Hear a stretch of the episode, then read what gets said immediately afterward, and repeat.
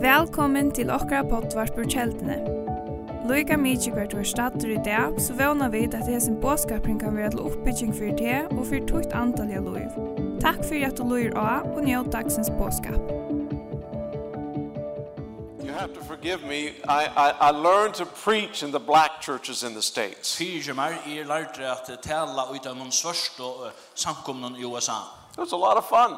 Det er stort litt tid. But when God called me to, to Sweden, Men da så herren kallet jeg meg til Sverige, actually to Europe, etla til Europa, I, I, I only, I, I remember saying one thing. så minnes de at jeg sier en ting. Why are you sending me there? Hvor sender du meg her til? Have I sinned? Har jeg synda? I said, why are you sending me? Herre, hvor sender du meg her til? You know, uh, Lord, in, in Scandinavia, they pay up to 57% tax in some countries. Og stå, herre, altså, i, i, i Norrlondon, her betaler de skatt, oppe i 30-40% I'm til skatt. only paying 12%. Og jeg betaler bare 12% til skatt. Why are you sending me? Hvor søren sendte du meg her til? And the people are all taller than I am. Og følelsen er at større enn jeg er. And then the Holy Spirit said, Og så sier Heilig Anten, Yes, they are. ja, det er det. But the taller they are, Men større det er det, the harder they fall. så er det oppe at ting er verre til at det er så dette. Hallelujah. Amen. I, I, I love the Holy Spirit. Jeg elsker Heilig Anten. I, I, I'm in love with our Lord Jesus, but I'm in love with the Holy Jeg Spirit er så also. forelsket over Herren, men jeg er også så forelsket over Heilig Anten. The Holy Spirit is, is, is so precious to me. Og Heilig Anten er så dyra per for meg. He leads me, He guides me, He gives me what I need every day. Han løyer meg, han veløyer meg, han gjør meg også det som er tørve kvendt her. It wasn't always that way. Så jeg ser det ikke alltid verre. When, when I was a young man, I did not grow up in a Christian home. Da jeg var en, en, en, en unge maver, så var jeg ikke vant, jeg, jeg vokste ikke opp i en tryggvand i høyme. I grew up as a cowboy.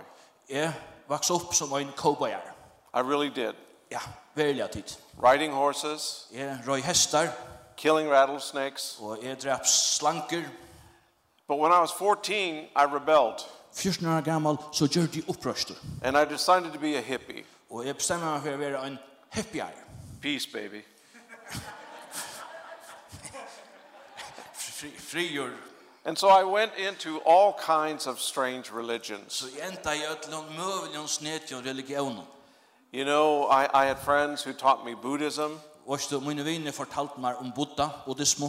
I had a hippie girlfriend who taught me Hinduism, Jeg har en hippie venninto som tar seg, som, la- um som tar seg om hinduismo. the Mormons tried to convert me. Mormonene rundt og omvendt ham i øsene. And then I met a guy from Scotland who, who kept saying to me, You needed to be Sufi. Ja, og så fikk jeg en vimmann som kommer Skottland som sier at jeg har tørva å være en sofi. And I thought, Wow, what is that? Og hva søren er til? Finally, I understood he was talking about becoming a Muslim. Ja, jeg fann så det til endans at han ville ha meg at gjøre en muslimer. I was so confused Jeg, jeg var totalt forvirra over. until one night Inntil og kvöld I cried out in the darkness. så græt jeg i myskerne.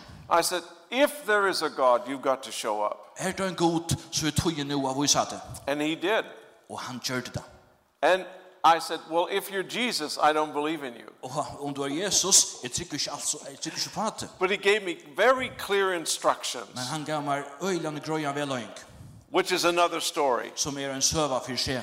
I ended back up in my parents' home Jeg enda så atter i mine badnøyme, at the age of 19. 19 år gammal.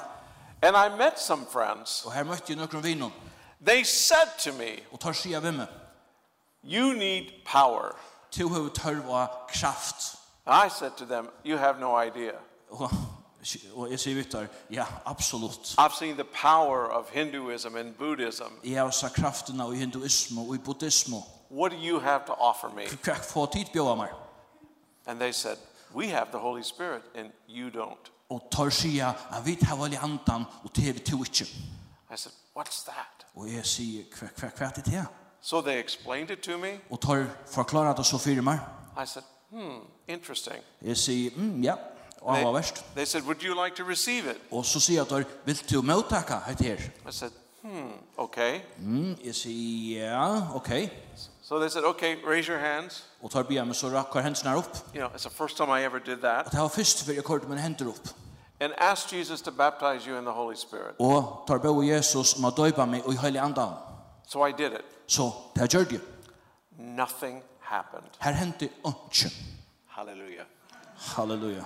Nothing happened. Ikke hendte. And then they said, Så sier jeg der, Did you believe?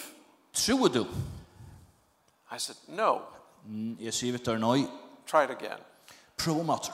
I did it again. Så jeg gjør det da, og jeg har rett. And for the next three days, Og der neste trodde jeg deg I don't know where I was. Så visste jeg ikke hver jeg var. I was in a cloud of God's glory. Jeg var i en skutje av Guds stort. I prophesied. Jeg profeterer i. I, there was one night I prophesied all night. It's the truth. I prophesied all night. Og kvölde, og til sannhøy tid, jeg profeterer i det høyla kvölde. I spoke in tongues. Jeg tog seg i tungen, I saw healings. og jeg sa mirakler, underversk. I worshiped and I heard the angels worship with me. Jeg tilbe, og jeg hørte ønglene tilbe jeg samme vimmer. Now, you can say, well, you know, you, you had all these drug experiences, so maybe you're a little psychotic. Ja, og så kan du ganske halta at ja, men han er jo jøgnons nekst ned, og der han er prøva forskjellig, så det er sikkert bare sinde psykologiskt alt det her. But only Jesus can bring reality. Men bare Jesus kan gjøre det virkelig.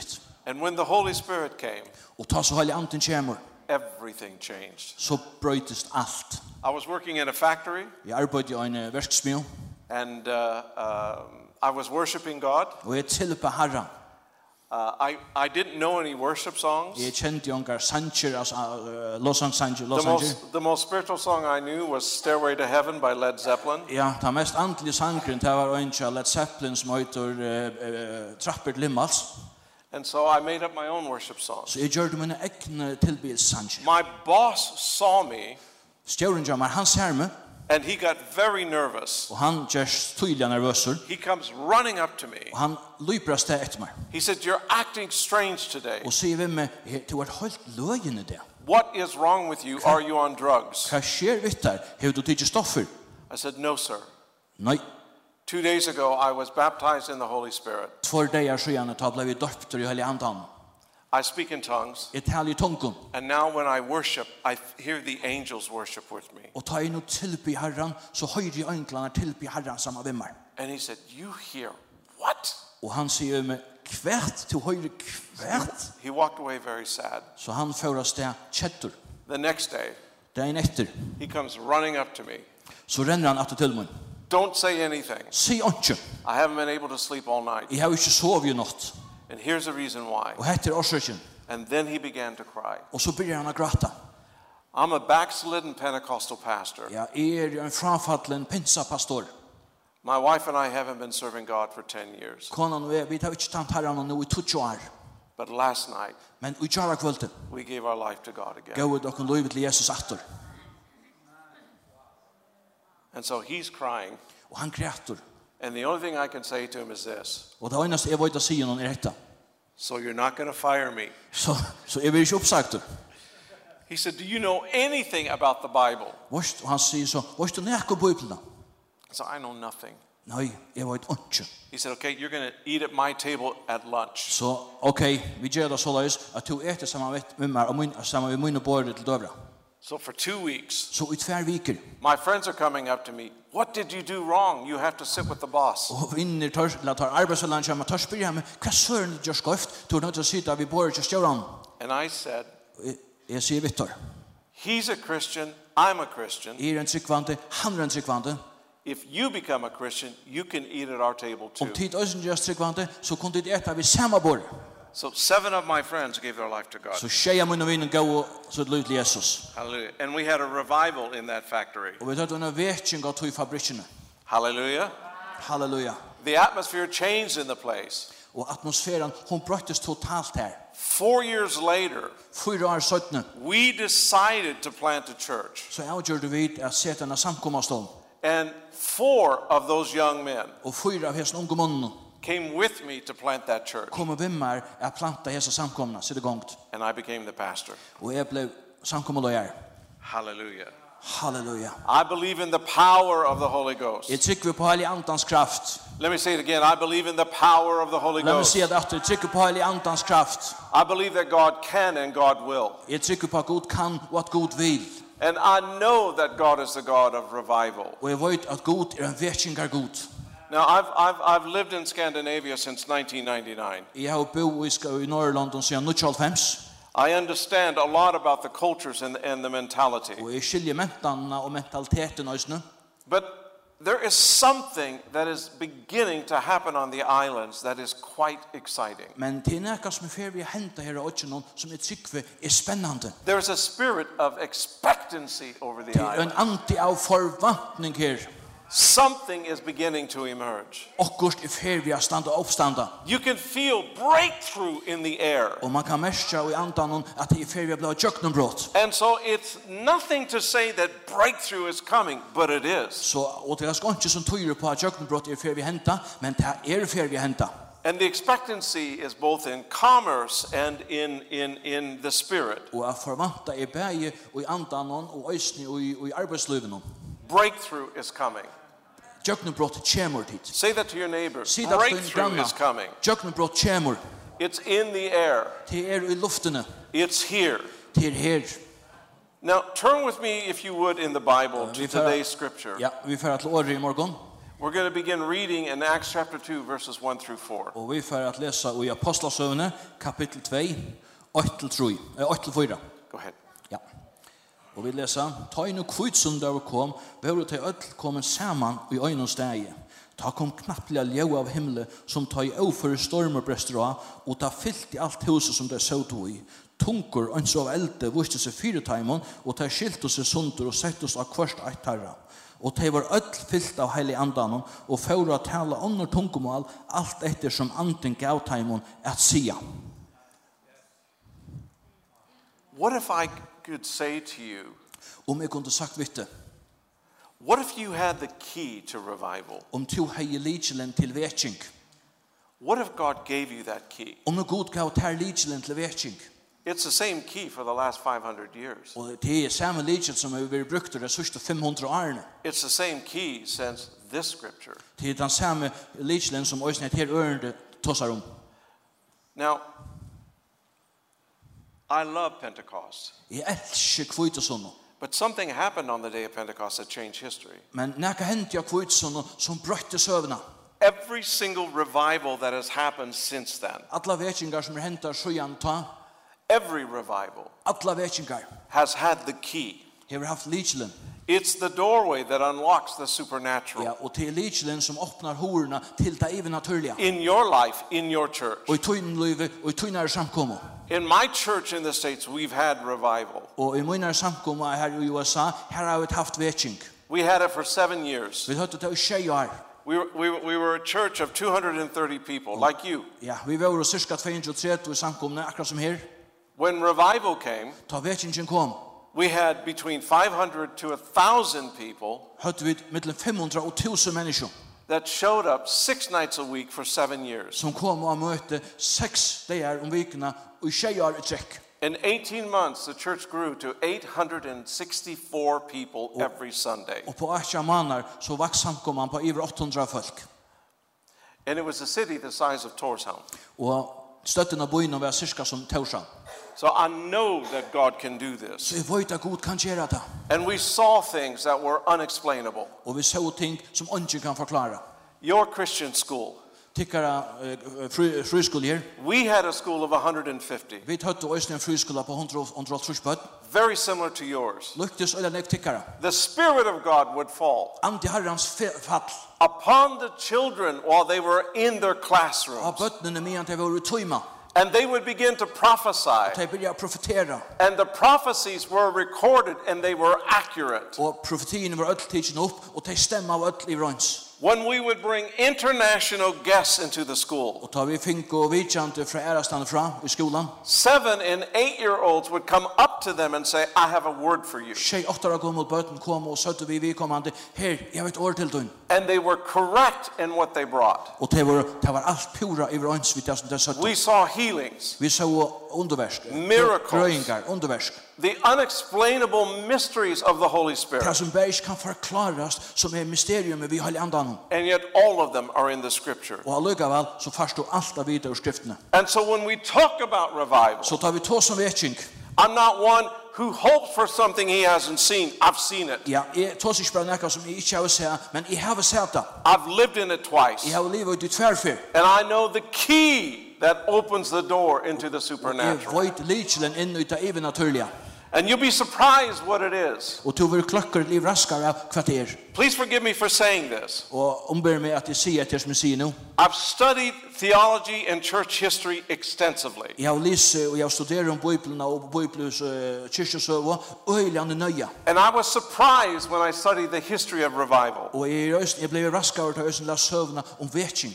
I thought that revival was all centered about great preaching and Og repentance. jeg held at alt vi vetjeng har nakka vi ståra taler og at omvenda seg. It's a part of it. Det er en parstrautu. But there was something else that showed up. Men det var også noe annet som viste seg.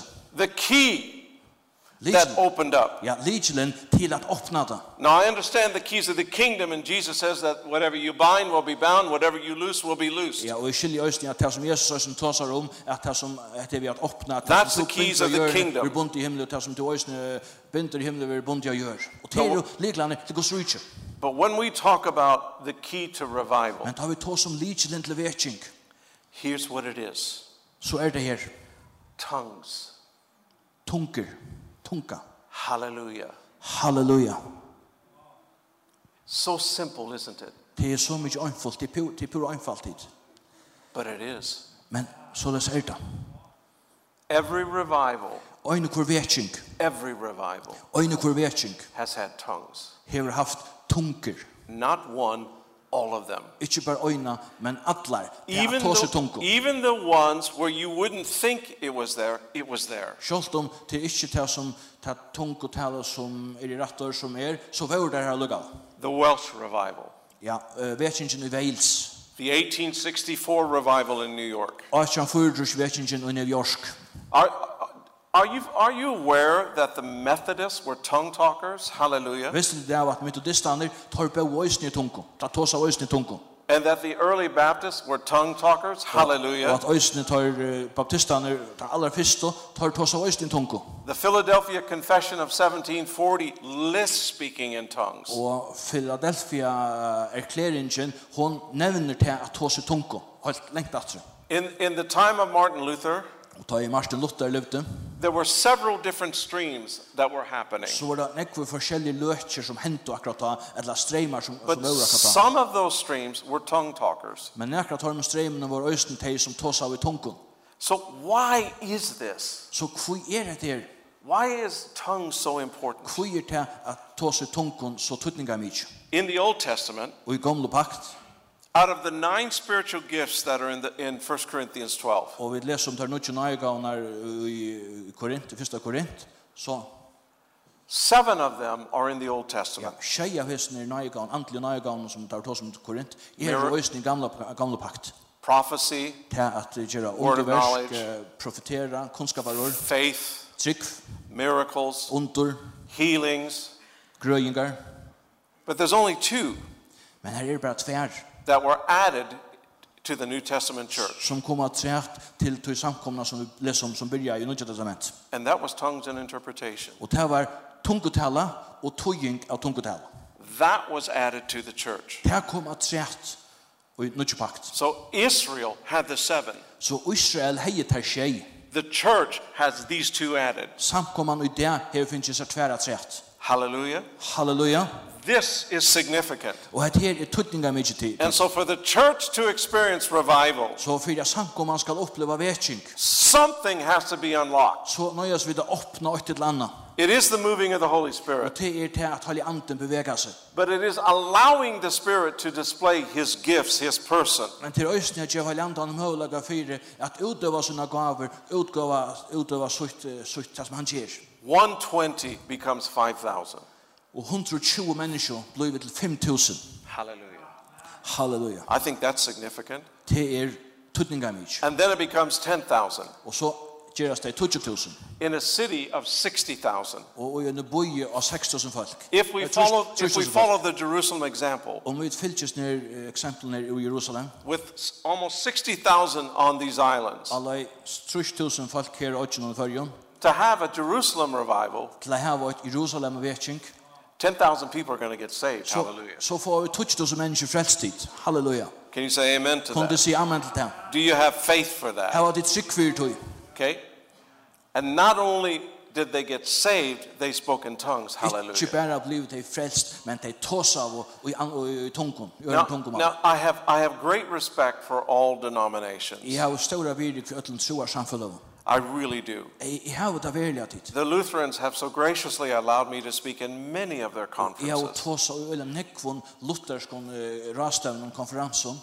The, Ja, s- the same for the Methodists and the Baptists. Og ta sama tja metodiston og tja baptiston. Many different streams. Men nekvar imiske løtjer eller streymar. har They jeg have never tåsað. told me what I can't preach. För Hallelujah. jag har aldrig inte sagt mig vad jag inte ska säga.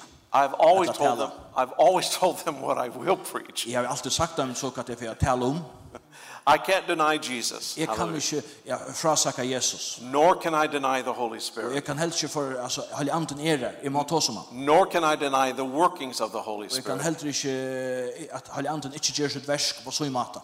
So tongues was prophesied in the Old Testament Så att tungotala blev profetera i gamla testamentet. in a lot in Isaiah 28:11. Och och i- det är i Jesaja 28 vers 11. It was foretold by Jesus. Och det var rösten sagt där om Jesus. These signs will follow those who believe. Att hese techen vill jag fylja dem som tryckva. They will speak in tongues. Hej färra tala tungon. He said that about us. Han säger till honom. That's in Mark 16:17. Det um er i Marskos 16, 16. It was a normal experience in the early church. Det var en vanlig opplevelse i samkommende ta.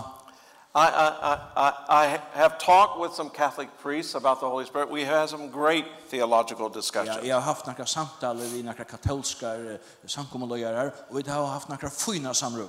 And I like to give them this fact. Och jag älskar att göra det med att det är fakta i den där sannlagan. In the early church, Att oj, till samkommande som börjar i början, Peter, James, John, Andrew, Philip, Peter och, och, och, och, och, och Jakob och, och, och hinner lära sig varandra. You, you mentioned five. Yeah. I only got three. just say all of them, Yeah, all, yeah, what's the way, yes. Ta- Allt det här ser, ja. Thomas, Bartholomew, Matthew, James, Alphaeus, Simon, Judas, the brother of James, say all of them. Ja. Ja, allir hese lærarsveinnarnir her. And guess who else spoke in tongues? Ja, og hvor annar tala i tungun? Mary, the mother of Jesus. Maria, mamma Jesus. Hallelujah. Halleluja. Now, I love to tell the, Catholic, the Catholics that Mary was a tongue talker. Og jeg elsker å si Hallelujah. at vi katolikkerne at Ma- Maria, mamma Jesus, hon tala i tungun. And I ask them to refute it, and they can't. Og jeg bidrar øysen tala om det ikke passar og fortelja meg hver det stendur. Og ta, That ta vid means ikke. that they were filled in the Spirit and baptized in the Ta Spirit. meina at jeg var fyllt i andan, døpt i all i andan. It means that they were there in Jerusalem on the day of Pentecost. Høy vore her i Jerusalem, ta i all i anden kom nyer. And I love that there were so many nations that were Og there. her var så nekvar imiskar, eh, forskjellige folk fra imiskar støvun. Oh, Kom forgi- saman, kom oh, saman. Please forgive me for being excited. Og Jeg Hallelujah. orsak til at jeg blev så I mean, spentor. so many nations that were there on that Det day. var så minst nekva tjauer og tunkumal her tann dagen. That is that it it basically means that that the Holy Spirit is missional in every way. Ja, einfalt betyr det høylig anten, han røysne missionerande på en eller annan måte.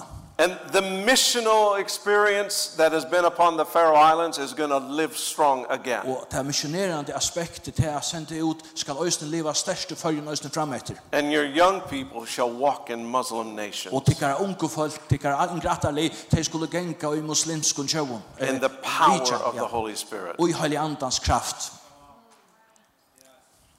Cornelius spoke in tongues Cornelius tåsa i øysne i tungun. and his whole household. Og alt hos hansara tåsa i øysne i tungun. The Ephesians uh, disciples spoke in tongues. Ja, og eh, lærersvennerne i Efesos øysen tåsa i tungun. And so it strengthens us to speak in tongues. Så ta ta ta styrkir okkum at tala tungun.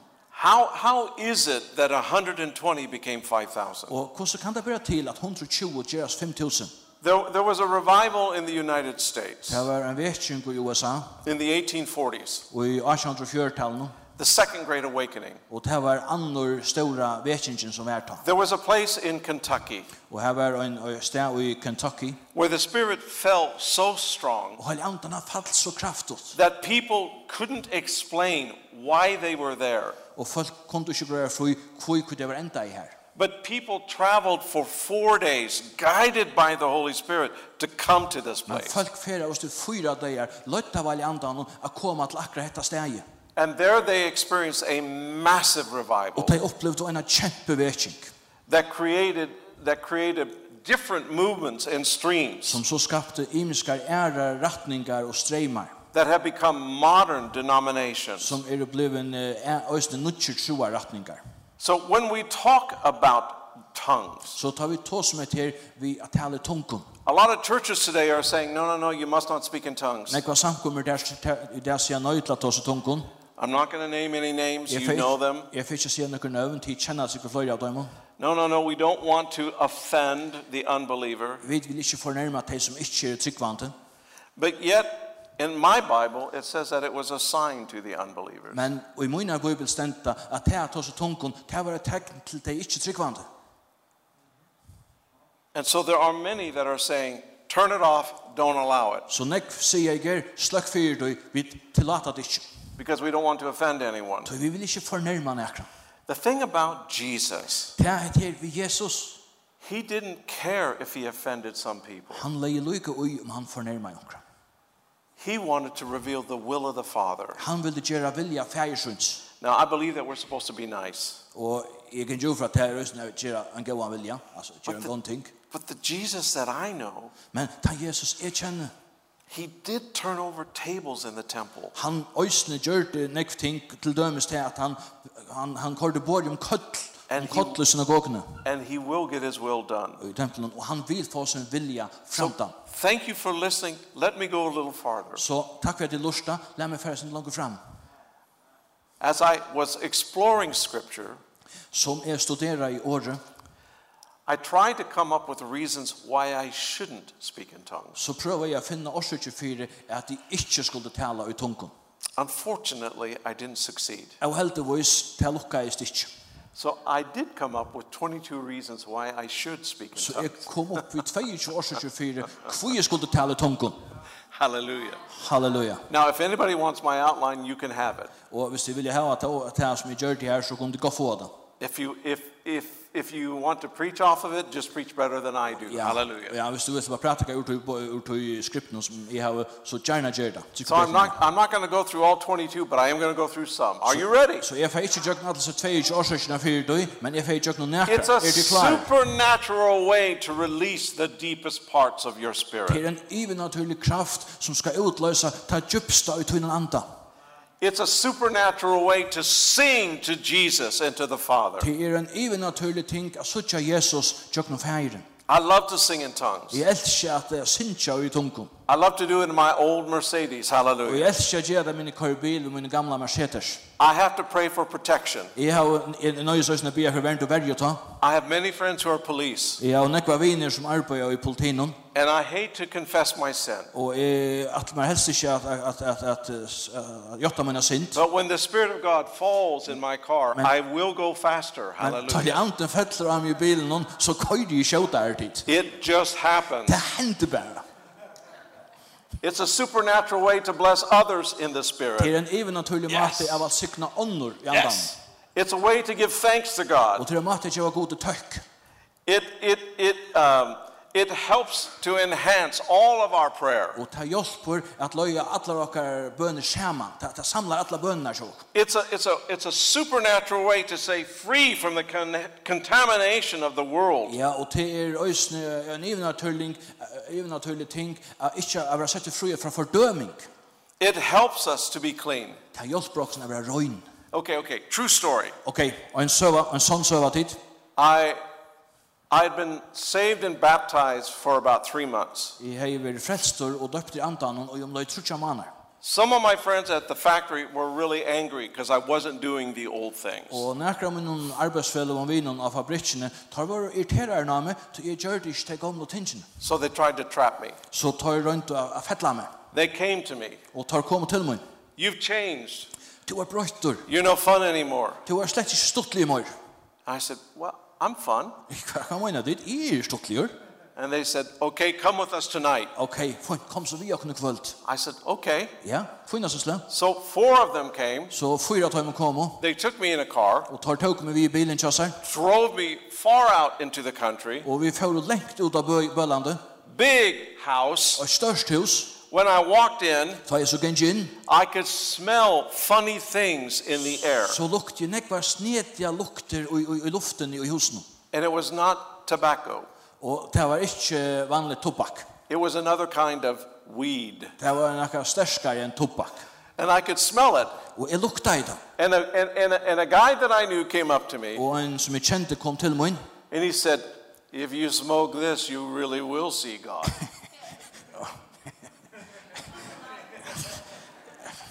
sorry. it's the anointing, brother. Yes, yes. hopp, hopp. ja, det er som man sier. No, no, no. You got to say it like I do. I'm coming closer to you. Hallelujah. Okay, you got to take your finger like this. If you smoke this, Om du røyker hetta, you really will see God. så først du velja, så tja god. Hallelujah. So I looked at him, Så jeg hittir at noen, and all of these people that were in the house came. og ætlis i falskjen i husen, de kom altså. There were like 10 or 12 of them Og there. det var 12 stykker av dem her. And you know, they put some of this marijuana in my hand. Ja, og de få et her marihuana i de- de sigaretten her, og i hånden av kjammer. And they're shouting at me. Og så råpa de til min, Smoke it, smoke to it. nøyest av røyka da, røyk da. I felt the Spirit of God help me. Og jeg følte, jeg følte at andre gods hjalte meg. I didn't know what to do. Jeg visste ikke hva jeg skulle gjøre. So I'm looking at it, Så jeg hittet etter ned, and the only thing I did was this. og det eneste jeg gjør det var hetta. Sharabaradoya. Come on, brother. Shara- Sando. Sharabaradoya. Go ahead, brother. Speak in tongues. Likiria Basandoria Shikiria. And one more time I went, Sharabara. Og en av at jeg så gjør det samme. Likiria Basandoria. And then I went, Shawarata. Og så gjør det seg syndemar råd i herre. I will still speak in tongues. Likiria Basandoria. And then everybody looked at me. Så hittet jeg ut etter meg. They were shocked Og de var totalt sjokkeret at what just happened. av det som just nå hendte. And then one of them said, Og så sier øynene til dem, Whoa, that was the coolest thing I've ever seen. Ja, det er det mest utrolige nærkant jeg har sett hit. Do it again. Prøv en av fra rett. So they put drugs in my hand. Så nu fick jag åter mer stoffer i handen av Jamar. Ja. Same thing happened. Åter det samma hände They, they, put, they put other types of och things. så fick jag underslå att tobak eller tinkon i handen av Jamar. They put LSD in my Och hand. så fick jag ett annat LSD i handen av Jamar och- och och ett rosämne. The Holy Spirit was there. Och hela anden var där. It happened for about an hour. Och detta hände ju i omlöj en timme. And finally, Och så till ändans I just said to them, så säger vi till Do any of you want to do what I can do? Eh, vill jag nökra tycka här att det som jag kan göra. And four of them said, Och så säger jag fyra av dem. Yes. Ja. And eight of them said, You scare us. Och åtta av dem sa då så du gör stocken benchen. So for the first time in my life, Så för första för mina löve. I led people into the baptism of the Holy Spirit. så var det vi til å løye folk til å løye andan stå opp. And they spoke in tongues. Og de tala i tungen. Hallelujah. Halleluja. Let, let me tell you, La meg si at det kom. it became a different kind of party. Og det ble et helt annerledes varsla. We ended up worshiping God together. Vi Hallelujah. enda vi å tilby herren sammen. And the other pe- eight people, Og hinn i åtta følgene, they stayed around. og de hengo vi øsne rundt okken. They weren't doing drugs. Tei gjørte ikke, tei tok ikke rusevne, They weren't drinking og alcohol. tei drukku ikke rusrekka. They were in shock. Tei var enn totalt ui kjørtje. And so I asked them at the end of the night, Så jeg spyr deg, ta kvöld jeg kom jeg at enda. Are you okay? Eh, Her var det da godt. And they said, We have nothing. Ja, We don't know where to put this. ja men altså, vi, vi tar ikke, vi vet ikke hva vi skulle gjøre. Eller, But how do you feel? Men, men, hvordan føler de deg om? I feel such wonderful peace. Men jeg, jeg føler jo en under saman fri. I said, That's the Holy Spirit. Ja, hatt det veldig anten tid. They said, I want that. Og så sier jeg deg, hatt det veldig hava. It's a supernatural way to build you up in the inner man. Det er en even naturlig måte at bytja ditt innre menneske opp. Hallelujah. It's, it's, a, it's a way to refresh yourself. Og til øyne en måte at, at endur fruska deg opp. It's a way of preaching the fornøyd- wonderful works of God. Ja, og til øyne en måte som hjelper deg at prætika Guds underfotla år. It's a supernatural way to make intercession before Det God. er en even naturlig måte i øyne Halleluja. at bya til god. It's a supernatural way to keep yourself in the love of God. Ja, og det er en even naturlig måte at gjeras framhaldande for elskar vår gode. Tongues is the gateway into the other gifts. At tåse tungon er- er øyne hotteren at få ærer ga- andaliga gaver. It's a way to tame your own tongue. Og til øyne å kunne styra din egen tunko. Okay, okay, another story. Ok, og en søva trettid. I'm in a men's meeting. Jeg er så til en mannfalka møte. Okay, there, there's around 400 men, Og det her er om løy 500 menn saman. and they call me to be the main speaker. Og så er det han som skal tala året. Okay, so you know, they're expecting principles Så tar fra vant øysene at det er, det er gjort læra, at vi læra nekka. seven ways to be a better man, Ja, tjej hotter av en betre mævor. five ways to be a better father, Eh, Fem, ma- fem mater av en betre pape. six ways to become better in business. Eh, Seks mater av gjerne betre i arbeidsløven. So they're expecting all of these Så jeg principles. tar vant av å få alle disse tingene leina i opp hva det nu skulle gjøre. So here's what I preached. Så det er det han som er bådskapen som er gav dem. Now forgive me. Fyr gjør meg. I some people call me a prophet. Eh, Nøkker kallar meg en profet. I call myself a cowboy. Ja, jeg kallar meg en cowboy. It's safe. Ja, det det tryggare er dit. Men, And so I preached a message så jeg tåla, tåla, tåla, tåla, tåla en bådskap, and it shocked them. og tar vår totalt ur kjørtjen. And here's what I preached. Og hette det som er bådskapen jeg tåla i. How to be free from pornography. Hvordan kan du blå løster fra pornografi? The great virus of our day. Ja, og det er en stor sjuk, en virus, og, og i høymen og i det. And here's what I said. Og hette det som jeg tar seg. If you want to be free, Om du ikke er gjørs fruer, you can't do it by your mind. så kan du ikke gjøre det ved din egna sinne. You can't do it just by having accountability. Ja, du kan ikke gjøre det bare ved at du uh, gjør det fyr omkring øren. You have to have the Holy Spirit. Du har bruk for, du har tørv og høylig andan til det. So I taught them. Så jeg lærte det. I said, every time you want to sin, Hver er for du, for, du vil slippe synda. just go shababa. Byrja så og lekiria basandori. Ok. And if you do that, Gjørst du til, you can't sin. så synda du ikke mer. Så synda du You, ikke. you won't sin. Så først du ikke synda. It's impossible Det er omøveligt. because the Holy Spirit is there with you. Du høylig anden er samme vittar her. And so every time you try to do something So- that you shouldn't do. Så hver er for du gjørst nekka som du ikke burde gjørst. And so I gave so I said to them, Så jeg sier, Viktor, I want you to have an experiment. så jeg atler meg å gjøre et eksperiment her. All of you have bad thoughts in your mind right now. Atler tid, feidigon, jeg har ringa tankar og i sinnen just nu. And now everybody goes shababa. Og nu byrjar öll at tala i tungon. Come on, brother. I like that. Amen, brother. Amen, brother. kid, Come yeah. on, brother. Guess what? Giti kvært. They couldn't do it. Tar fingu stjørsta. Their mind was clean. Tar sinne var rønt. And I said to them, Og jeg sier Viktor, okay, now if you go home and you try to do what you have done og om tid nu far heim og til røyna tær som dit hava gjørst avur and you sit in front of that computer og til sita framfor skutjanon and you try to surf that stuff, og til eh, surfa á netnum etrisner if you go shababa, Come on, brother. Come on, brother. Skal jeg si kjær pappa? Yeah. Kjær pappa? There you go. Hallelujah. You can't do it. Du fart ikke gjørst det. Over the next three days, Og i den- i løpet av nesten tre mot døven I had a stream of men coming up to me. så har jeg flere menn som kommer til meg. Could you please pray that the Lord forgive me? Kan, kan du be for Herren for gjør meg? I say, Why? Og jeg spyr der, hvor? You go to him. Fær to til han. You ask forgiveness. Be to om fyrgjøring. We'll pray together. Og vi ber sammen. Now, do you speak in tongues? Tal- Tala to i tungen. No. Nei. Okay, you're going to get baptized in the Holy Spirit. Så måst du bli døpt til Hellig Andan. Okay, they speak in tongues. Og tar tås i tungen. Okay, your life is changed again. Løyv løyv ikke at det er brøtt atter. Okay, do you speak in tongues? Tala to i tungen. Yeah, not very much. Nei, ikke ordentlig. ja, Nei, jeg vet ikke. Okay, you speak in tongues. Tala tungen.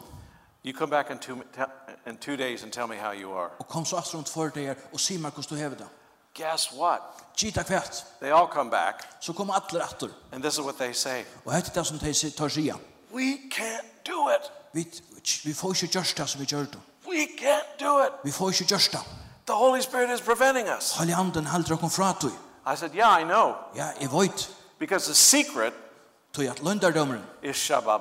Hallelujah. er Shababa. And so when, when their- they went home to their wives, Så ta tar for heim til sine koner. they were different. Så var det annerledes. So I start getting emails from the Så wives. jeg begynner å få telteposter fra konen til dem. What have you done to our husband? Hva er det du gjørst vi akkurat menn? Oh, I said, oh, you know, I shared six points and Ja, seven men, points and vet three du, jeg har points. givet dem alle disse liklene her, jeg ser hvordan det skulle å føre seg som gode menn, som gode papper. I said, no, Nei, I showed them jeg visste dem. the only weapon they need Det er øyneste våpenet som tar tørva to stop the enemy. til å stekke fudgendan. Shabbat. Shababa.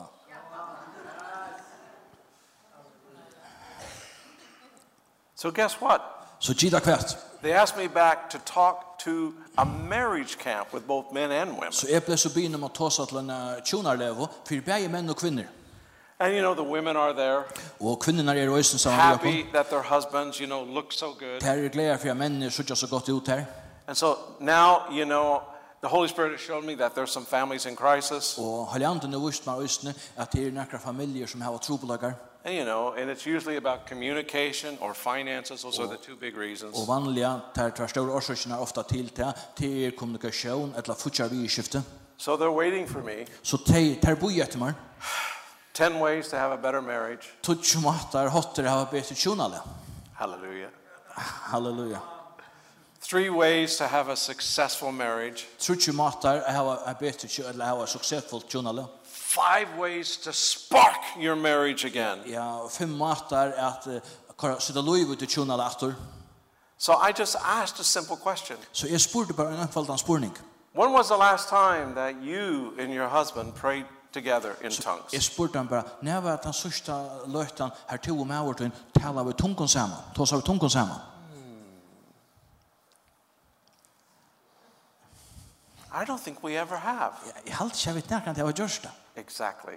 Nemlig, We did when we were dating, vi gjør det da, da vi eh, kom sammen, but you know, with kids men da bøttene så kommet, and Netflix, og, og, og atler ser fjernsyn og alt det her Netflix, it's hard. så, så er det tors først. I said, okay, Jeg sier, ja, let's try an experiment. la dere så gjøre noe rundt her. Grab hold of your husband or wife, Få fætra til narkon, få fætra til numeka, and let's just pray in tongues together for five og minutes. bygge så sammen i tungen, og i fem minutter. They did it. Og så, det gjør du det. And then I asked the wives, Så spurte jeg kvinner konar aftur, are you still mad at your husband? er du stadigvæk over mannen tjadar? And they said, not at this moment. Nei, er ikke i løtene. I said, what would happen if you just prayed five minutes in tongues every day? Og jeg spurte så, hva vil det hent hvis du bærer i tungen fem minutter kvann det? And they say, so Your marriage counseling is speaking in tongues. Så at tan tjonabansraie og tan uh, radjøren som tog over sier okkur at vi skulle tala i tungum. No, no, no, no. My marriage no. counseling is you need to get closer to Jesus Ja, min tjonabansraie er at de må komme tattar i Jesus and you need the Holy Spirit. og at de tar tørva heilig andan. But key the the key to unlock is tongues. Lidkjelen til å åpna etter her til er at ta seg tungum. Can you say amen? Kun du si amen? Every church for the last 25 years Alla samkommer de sørste 25 årene that has had revival som har haft vetsingar has spoken tongues. har tala i tungum. Toronto, Og i Toronto, Lakeland, og i Lakeland, even Hillsongs at the very beginning. Øysne tar i Hillsong byrja i. Yeah, Brian, Brian Houston is a Pentecostal. Hallelujah. Ja, samkommeløyeren Brian Houston, han er en, en, en, en kvitt som er maur. And many, many others. Og nekva, nekva er ånder. You can't stop God. Du fart ikke stekka gode. You can limit him, Du kanst avmarska han, but you can't stop him. men du fart ikke stekka honom. And so on the islands, Så av åkken, there's a spirit of expectancy. så er det her en, en anti av forvantning her åkken. The Holy Spirit is getting ready to break loose. Og Hellig Anden, han gjør seg klars til å slippe leiser. But something needs to be rediscovered Men okkurs, vi- men vi har bruk for lykke å finne den nøkron først and atter, put back in place. og få det atter og på plass. And, and many people say, well, tongues, you know, it's used badly, so let's not do Og it. når jeg sier stadigvæk til at tale tungen, det er misbrukt, så nei, Oh, oh, it's an accessory. It's one of those nice things. ja, og det er akkurat som jeg har hjulpet til, og jeg sier, ja, men det det er sikkert hyggelig og, og stått litt, men, Actually, men faktisk, in the Bible, og, og i ørene, There's over 45 different scriptures that talks about tongues. så er det 45 ørende som tås om etter um at tås i tungen. There's only 3 scriptures that talks about Christians. Her er bare tre ørende som tåsa om kristen.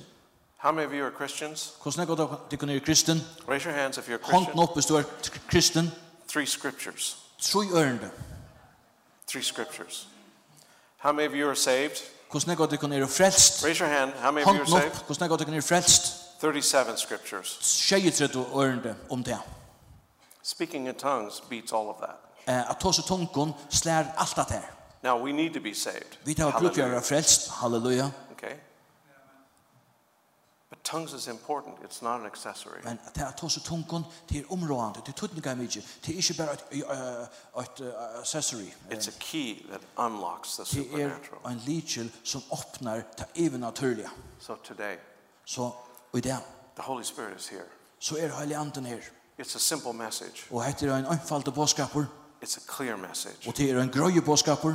There are, there are those of you who need to be filled again. Det er teg av tikkun som har tørva av bli fyllt opp atter. And there atter. are those of you who need to be baptized in the power of the Og Holy det er Spirit. teg av tikkun som har bruk for å bli døpt og Heilig Andans kraft. And there are those of you who need to stir up this gift that was given to you. Så er det nøkka tikkun som har bruk for at enten nødja seg gavna som har givet til tikkun. Jeg ser han i gang atter. You need to speak in tongues again. Du bruk for å ta seg tungun atter.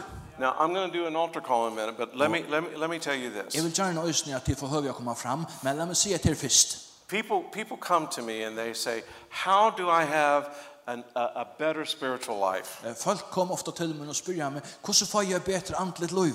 What's your secret? Hva er tog en løndardømmer? How often do you pray every day? Hvordan ofta um byr du om dagen? Okay, they expect me to pray three hours every day. De vant ødel at jeg byr en trutja tøymer om dagen. No, I don't. I don't. Nei, eh, det gjør jeg ikke. There are times that I do. Jeg gjør det omkra av oss og tøyer, I pray 15 minutes every day. men jeg byr 15 minutter kvann dag. And then if God leads me to do more, I'll do more. Og løy herre med så gjør jeg møyr, så gjør jeg møyr. 15 minutes. 15 minutter, 15 minutter, Five minutes 5 minutter, worshiping God. jeg bare tilby herren. I sing like a moose in the woods, but I worship God. Ja, jeg sier ikke som jeg møs i skoene, men altså, jeg tilby herren. You don't have moose here, do you? Well, a few. Jo, jo, jo, jo. Mouse. You, you mean mouse. You have moose? No, no, no. Sorry, no. No, we don't, we don't have it. We have it, sure? No, we don't have it, sir. Sorry. I see the islands need an impartation. Hallelujah. Five minutes worshiping, Fem minutter at tilbya, five minutes giving my prayer request to God, og fem minutter bare at- at samtala vi herran, øysene om ting som er litt om en hjärsta.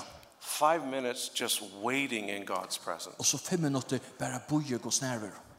That's it. Det er det. That's it. Det er det. 15 minutes with God. Femta minutter vi herran.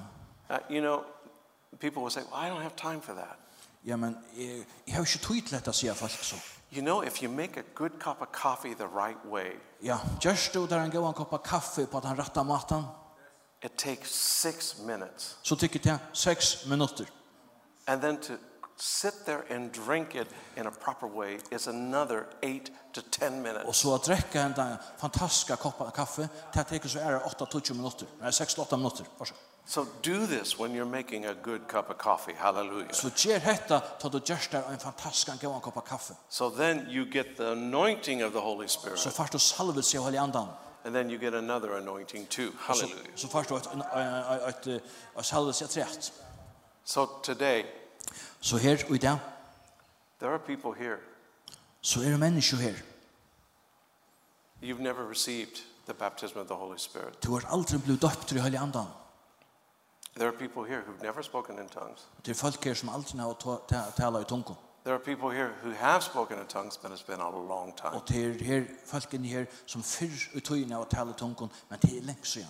There are people here who are dry Og her er folk her i morgen i dag som er torr, and who need a Pentecost experience in the Holy Ghost. og som har bruk for en kvitsen og opplevelse av hellig andans kraft. You need the Holy Spirit to come upon you. Du har bruk for hellig andan og komme i det. And the Holy Spirit is here. Og hellig andan er her. He's here. Han er her. He will, he will bless you. Han fyrir av alt signade. He will empower you. Han gjev der kraft. He will give you everything that you need. Han gjev der alt det som du tørvar. If you will open your hearts Om du åpnar ditt hjärsta and believe og trust that He will at han vil and He can.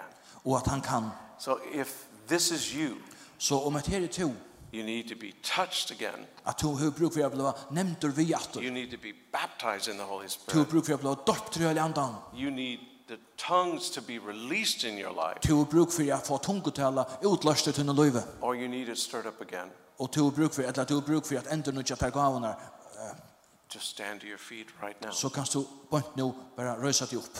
and I'm going to pray for you Og jeg får bia for deg. if that's you. Om det er to, If you need to be stirred in the Holy Ghost. um om du har bruk for å bli kvakter opp at nødja Hellig Andan. Shara